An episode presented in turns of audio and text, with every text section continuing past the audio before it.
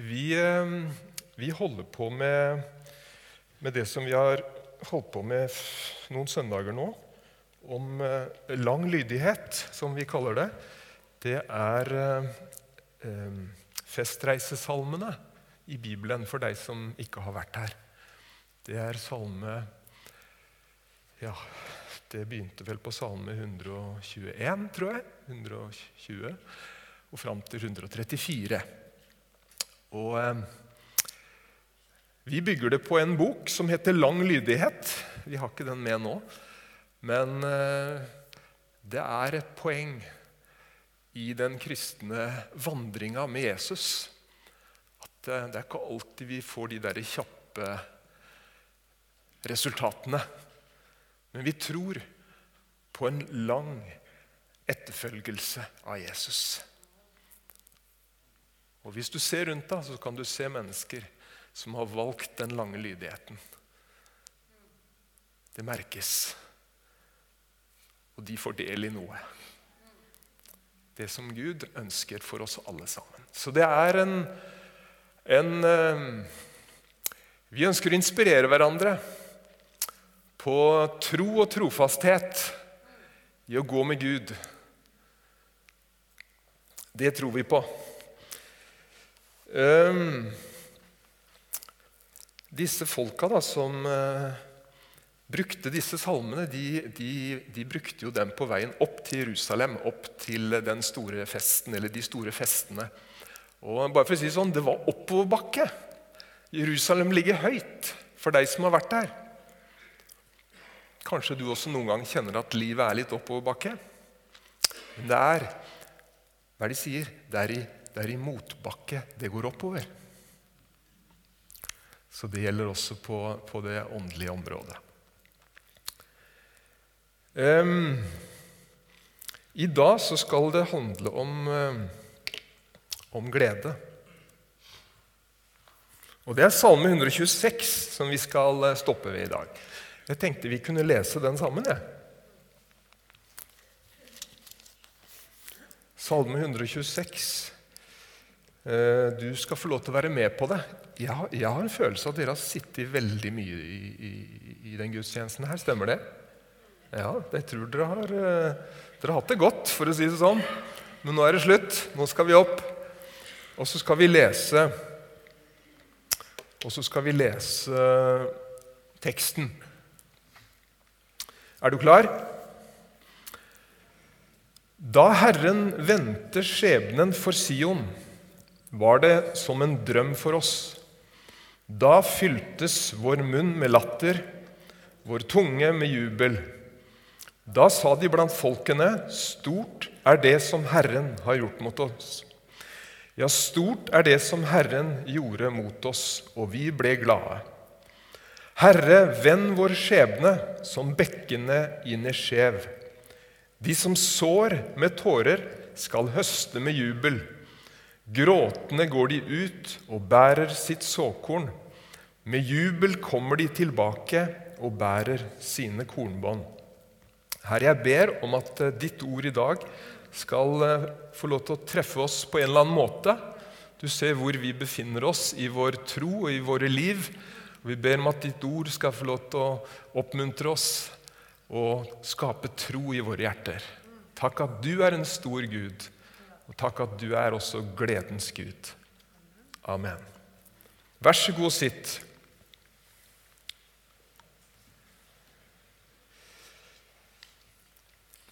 Ikke sikkert du er klar over det, men vi har faktisk en verdi i evangeliet. Vi har fire verdier, og en av de det er faktisk humor. Og det er ikke alle som kanskje helt har tatt den og syns den er litt, litt, litt vanskelig å forholde seg til. Men i hvert fall humor og glede det ligger jo veldig nær hverandre.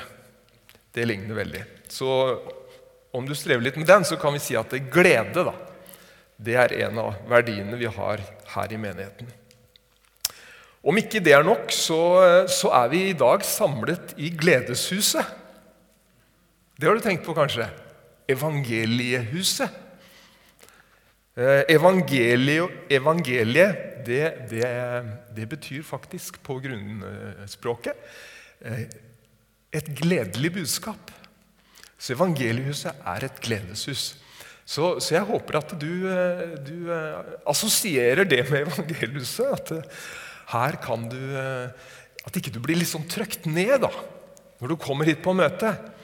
Men at du heller blir løfta litt opp og kjenner at Gud gir noe inn i hjertet ditt som du kan ta med i, i livet ditt.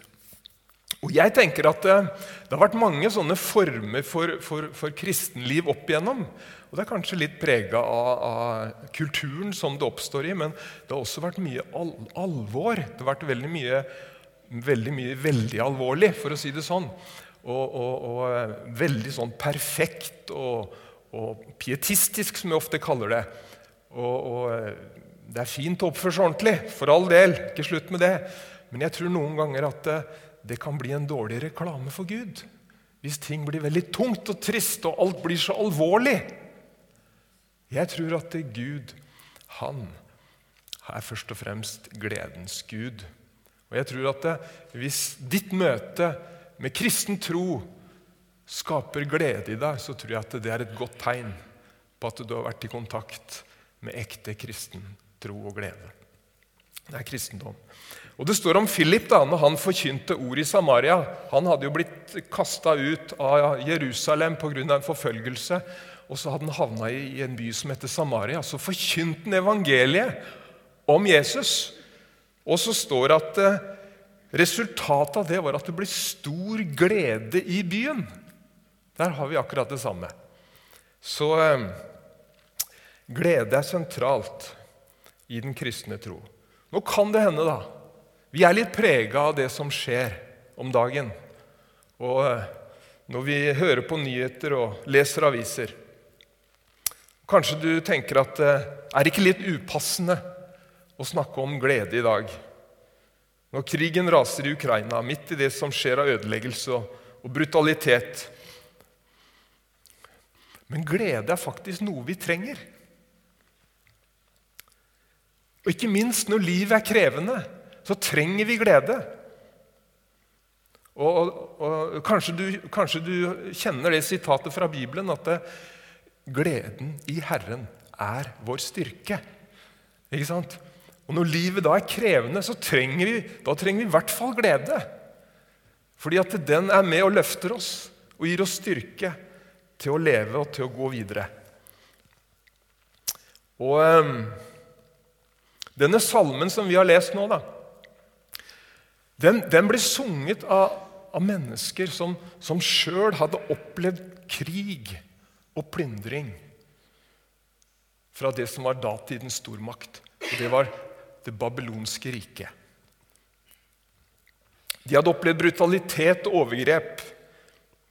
Og de hadde blitt eh, fordrevet fra sitt eget land, fra sitt eget hjem og fra alt det de var glad i. Og de måtte legge ut på en, en kjempelang reise gjennom en lang ørken. Det var nærmere 100 mil til et fremmed land, til Babylon. Så det er ikke noe sånn overfladiske greier, det her. Og det er bakteppet for denne salmen. Det er nettopp etter 70 år i fremmed land så opplever jødene denne utfrielsen. At de på helt forunderlig vis kan begynne å reise tilbake til landet sitt. Det er bakteppet for salmen. Det første punktet som jeg hadde lyst til å si noe om, det var når det utenkelige skjer. For når vi leste vers 1, så sto det sånn Da Herren vendte skjebnen for Sion, var det som en drøm for oss. Har du noen gang hatt sånne drømmer? Det kan jo gå begge veier, selvfølgelig. Noen ganger er du veldig glad for du våkner at ikke det var sant. Men det kan også være at du har hatt en drøm om det utenkelige. Sånn var det for disse folka. Det var som en drøm for oss når dette endelig skjer. Og det, det er akkurat som det, dette var helt utenkelig. Og det er sånn noen ganger at vi kan, vi kan håpe på ting en stund, men så skjer det ikke. Og så blir det nesten som om vi gir på en måte litt opp håpet. da. Vi forsoner oss med at eh, sånn er det. Fangenskapet i Babelen hadde på en måte blitt deres nye tilværelse. Men tenk deg det, Gud holdt det han hadde lovt. Fordi han hadde sagt i Jeremias kapittel 25 Jeg skal ikke lese det, men kan, du kan sjekke når den kommer hjem. Der sier profeten at men når 70 år er til ende, så skal jeg føre dere tilbake. Og Det er det som skjer, eh, og som er bakgrunnen for denne gledessalmen. Og kanskje noen av oss kjenner oss litt igjen i dette. Kanskje du har slutta å håpe. Fordi det du en gang håpa på, det virker så umulig. Og så er det noe med det at når tida har gått, så har liksom tida gått fra deg. Men Gud er der likevel. Og så ser vi hvordan han som en drøm. Helt uvirkelig. Så gjør Gud det umulige. Men det er ikke en sånn Gud vi tror på. Han overrasker oss. Og han er fullt i stand til å overraske oss. Og selv kanskje når vi til og med noen ganger har mista håpet og troa så er Gud allikevel trofast. Det ikke, står ikke noe om det. Er vi troløse, så er allikevel han trofast.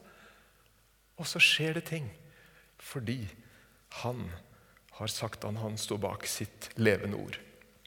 Jeg syns det er bra å ta med oss. Kan hende vi trenger det noen og enhver, ikke minst i tida som vi lever i nå. Hvor kommer gleden fra? Jeg har skrevet her alle mennesker trenger glede og søker glede. Er det ikke sånn? Vi prøver å skaffe oss glede, og, og vi har alle opplevd det. Helt fra vi var små. til jeg på å si. Vi fikk ting, og det er jo så moro med en gang. Det gir oss så mye glede. Eller vi kan kjøpe oss underholdning og humor. Det er liksom et sånt behov i oss. Vi trenger glede. Um, og jeg tenker kanskje det behovet er enda større nå.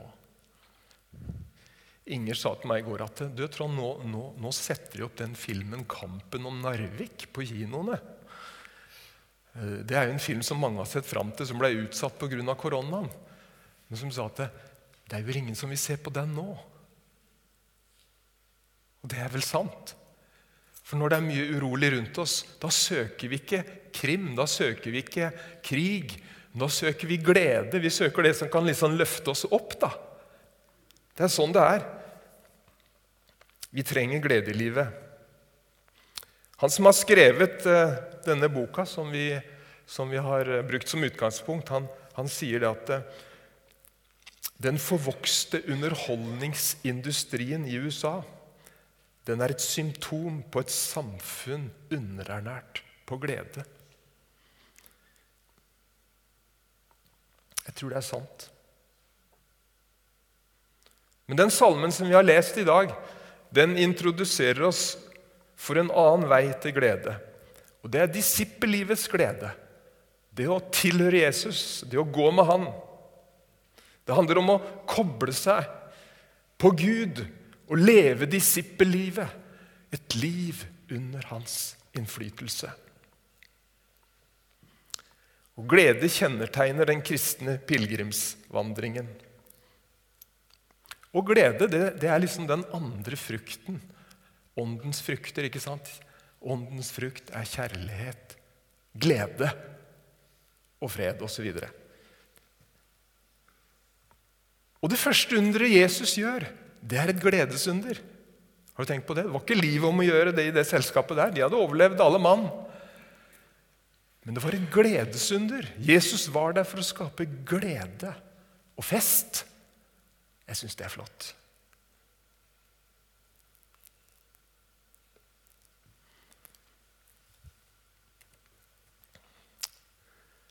Jeg tok med et sitat i dag fra boka som jeg syns var veldig fint. Ser du det? Glede er ikke noe Gud krever av oss. Det er en bivirkning av disippelskap. Glede er ikke noe vi søker å oppnå, men den utgår fra oss når vi vandrer troens og lydighetens vei. Sentrum i denne salmen det er eh, vers 3. Der står det sånn Ja, stort er det som Herren gjorde mot oss, og vi ble glade. Selv om det er mye som kan gi oss glede i livet. Vi skal ikke, ba, vi skal ikke bare være åndelige. Det er, mye, det er mye, mye, fint og mye godt som kan glede oss. En god middag kan glede oss. En naturopplevelse kan glede oss. Men salmen slår fast da, at eh, Gud er gledens kilde og opphav.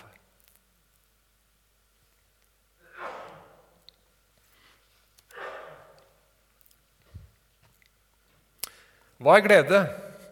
Hvor er det? Der. Hva er glede? Den salmen som vi har lest nå, den lærer oss at latter og gråt ikke ekskluderer hverandre.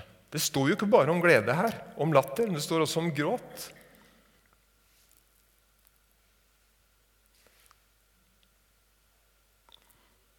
Og det er på en måte ikke sånn som vi kanskje noen kan tenke at det,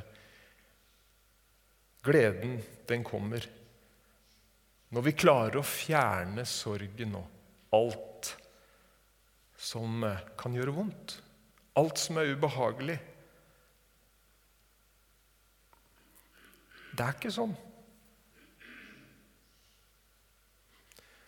Som jeg sa, så har salmen et sentrum, og det var vers nummer tre.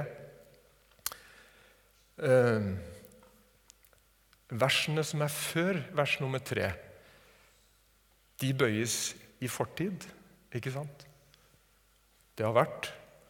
Mens versene etter vers 4 og 6, 4-6, de bøyes i framtid. Men alt handler om glede.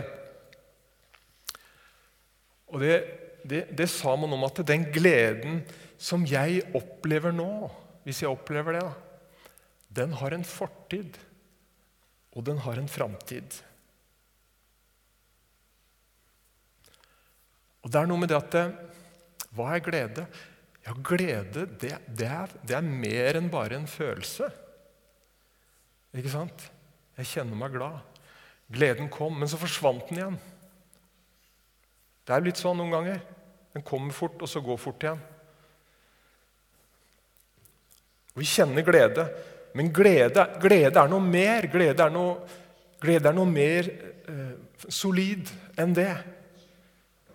Glede er en, en realitet som er der hele tida. Skal jeg se om du følger meg på den tanken. For det er noe som heter at Guds rike består i rettferdighet, glede og fred. Ikke sant? Det er noe som er der hele tida. Og den, den tanken eh, bekreftes i Salme 126. Om glede i nåtid, fortid og fremtid. Og det, det, gir også mening til det som Paulus sier, som vi ofte siterer. At gled dere alltid i Herren. Det hadde ikke vært mulig hvis det var bare en følelse som kom og gikk. Men gleden er noe permanent, en realitet hos Gud. Vi lever i en brutt verden. Og det gjør at vi kjenner hele spekteret av følelser, ikke sant? Sånn har vi det alle sammen. Vi kjenner på sorg, vi kjenner på skuffelse, vi kjenner på tristhet og alt som måtte ramme oss.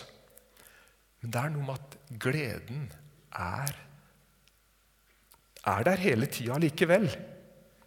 Og noen ganger så må vi liksom finne tilbake til den.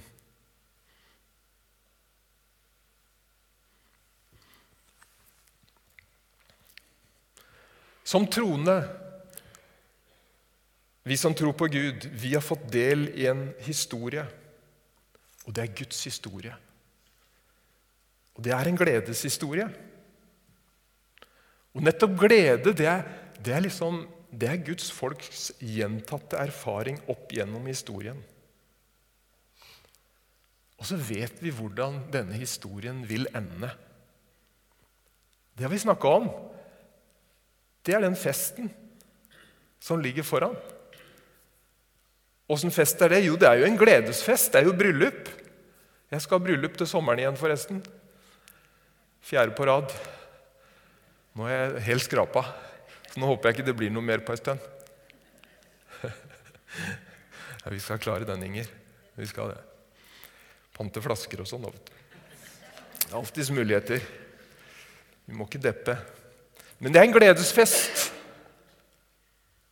Og det er også den historien som du og jeg har blitt en del av. Vi har, vi har fått del i en gledeshistorie. Vi har ikke bare fått en gledesfølelse inn i livet vårt som vi kjente i går eller en gang i fortida, eller som vi en gang skal kjenne. Men vi har fått del i en gledeshistorie. Han har innlemma oss i noe. Og Jeg har lyst til å si det til deg da. Du har fått det her. Det er ditt. Og så er det ikke alltid vi kjenner det, for vi lever på en måte i to verdener. Men det er noen ganger liksom Jesus må bare justere oss litt og korrigere oss litt. Han gjorde det med disiplene sine også. De hadde opplevd liksom litt sånn eh, hurra med hei, og, og, åndene spratt ut av folk, og, og, og det var gøy. Det var begeistring. Og Det er bra når vi opplever det. Gode følelser er godt. Men han måtte liksom på en måte vekke de litt opp og så si at det, det er ikke det her dere egentlig skal glede dere over.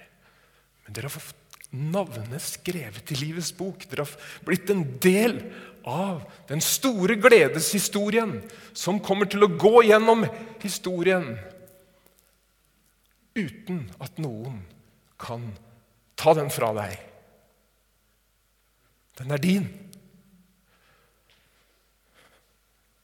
Og hvis du tviler på det, for å si det sånn, og du er usikker på det, så skal du få lov til å ta del i den også i formiddag. Nattverden, det er Det er hele denne historien. Det er her det begynte, og det er her det også skal fullendes. Gud i fortid, Gud i nåtid og Gud i framtid. Og Paulus sier det at eh, når vi spiser av det, så får vi del i det. Du kan få del i det i formiddag igjen. Amen. Jeg er ikke ferdig, selv om jeg sa amen nå. Litt til.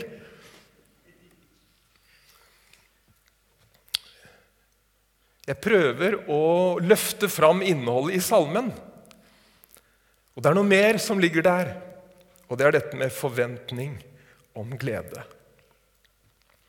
Glede er hele tida Guds siktemål med alt han gjør. Og Derfor er det god grunn til å ha også en forventning om glede.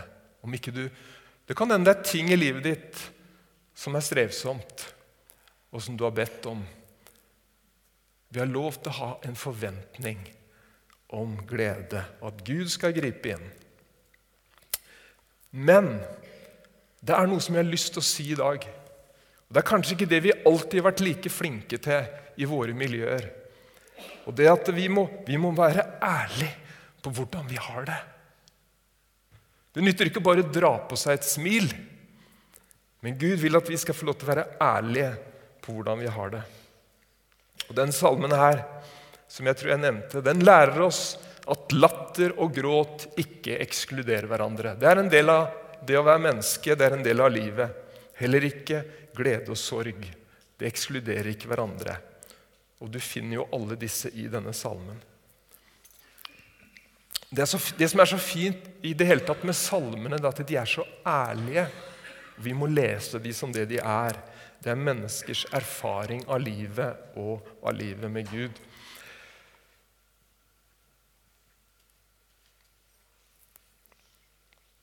Vi er mennesker, og vi skal fortsatt være det.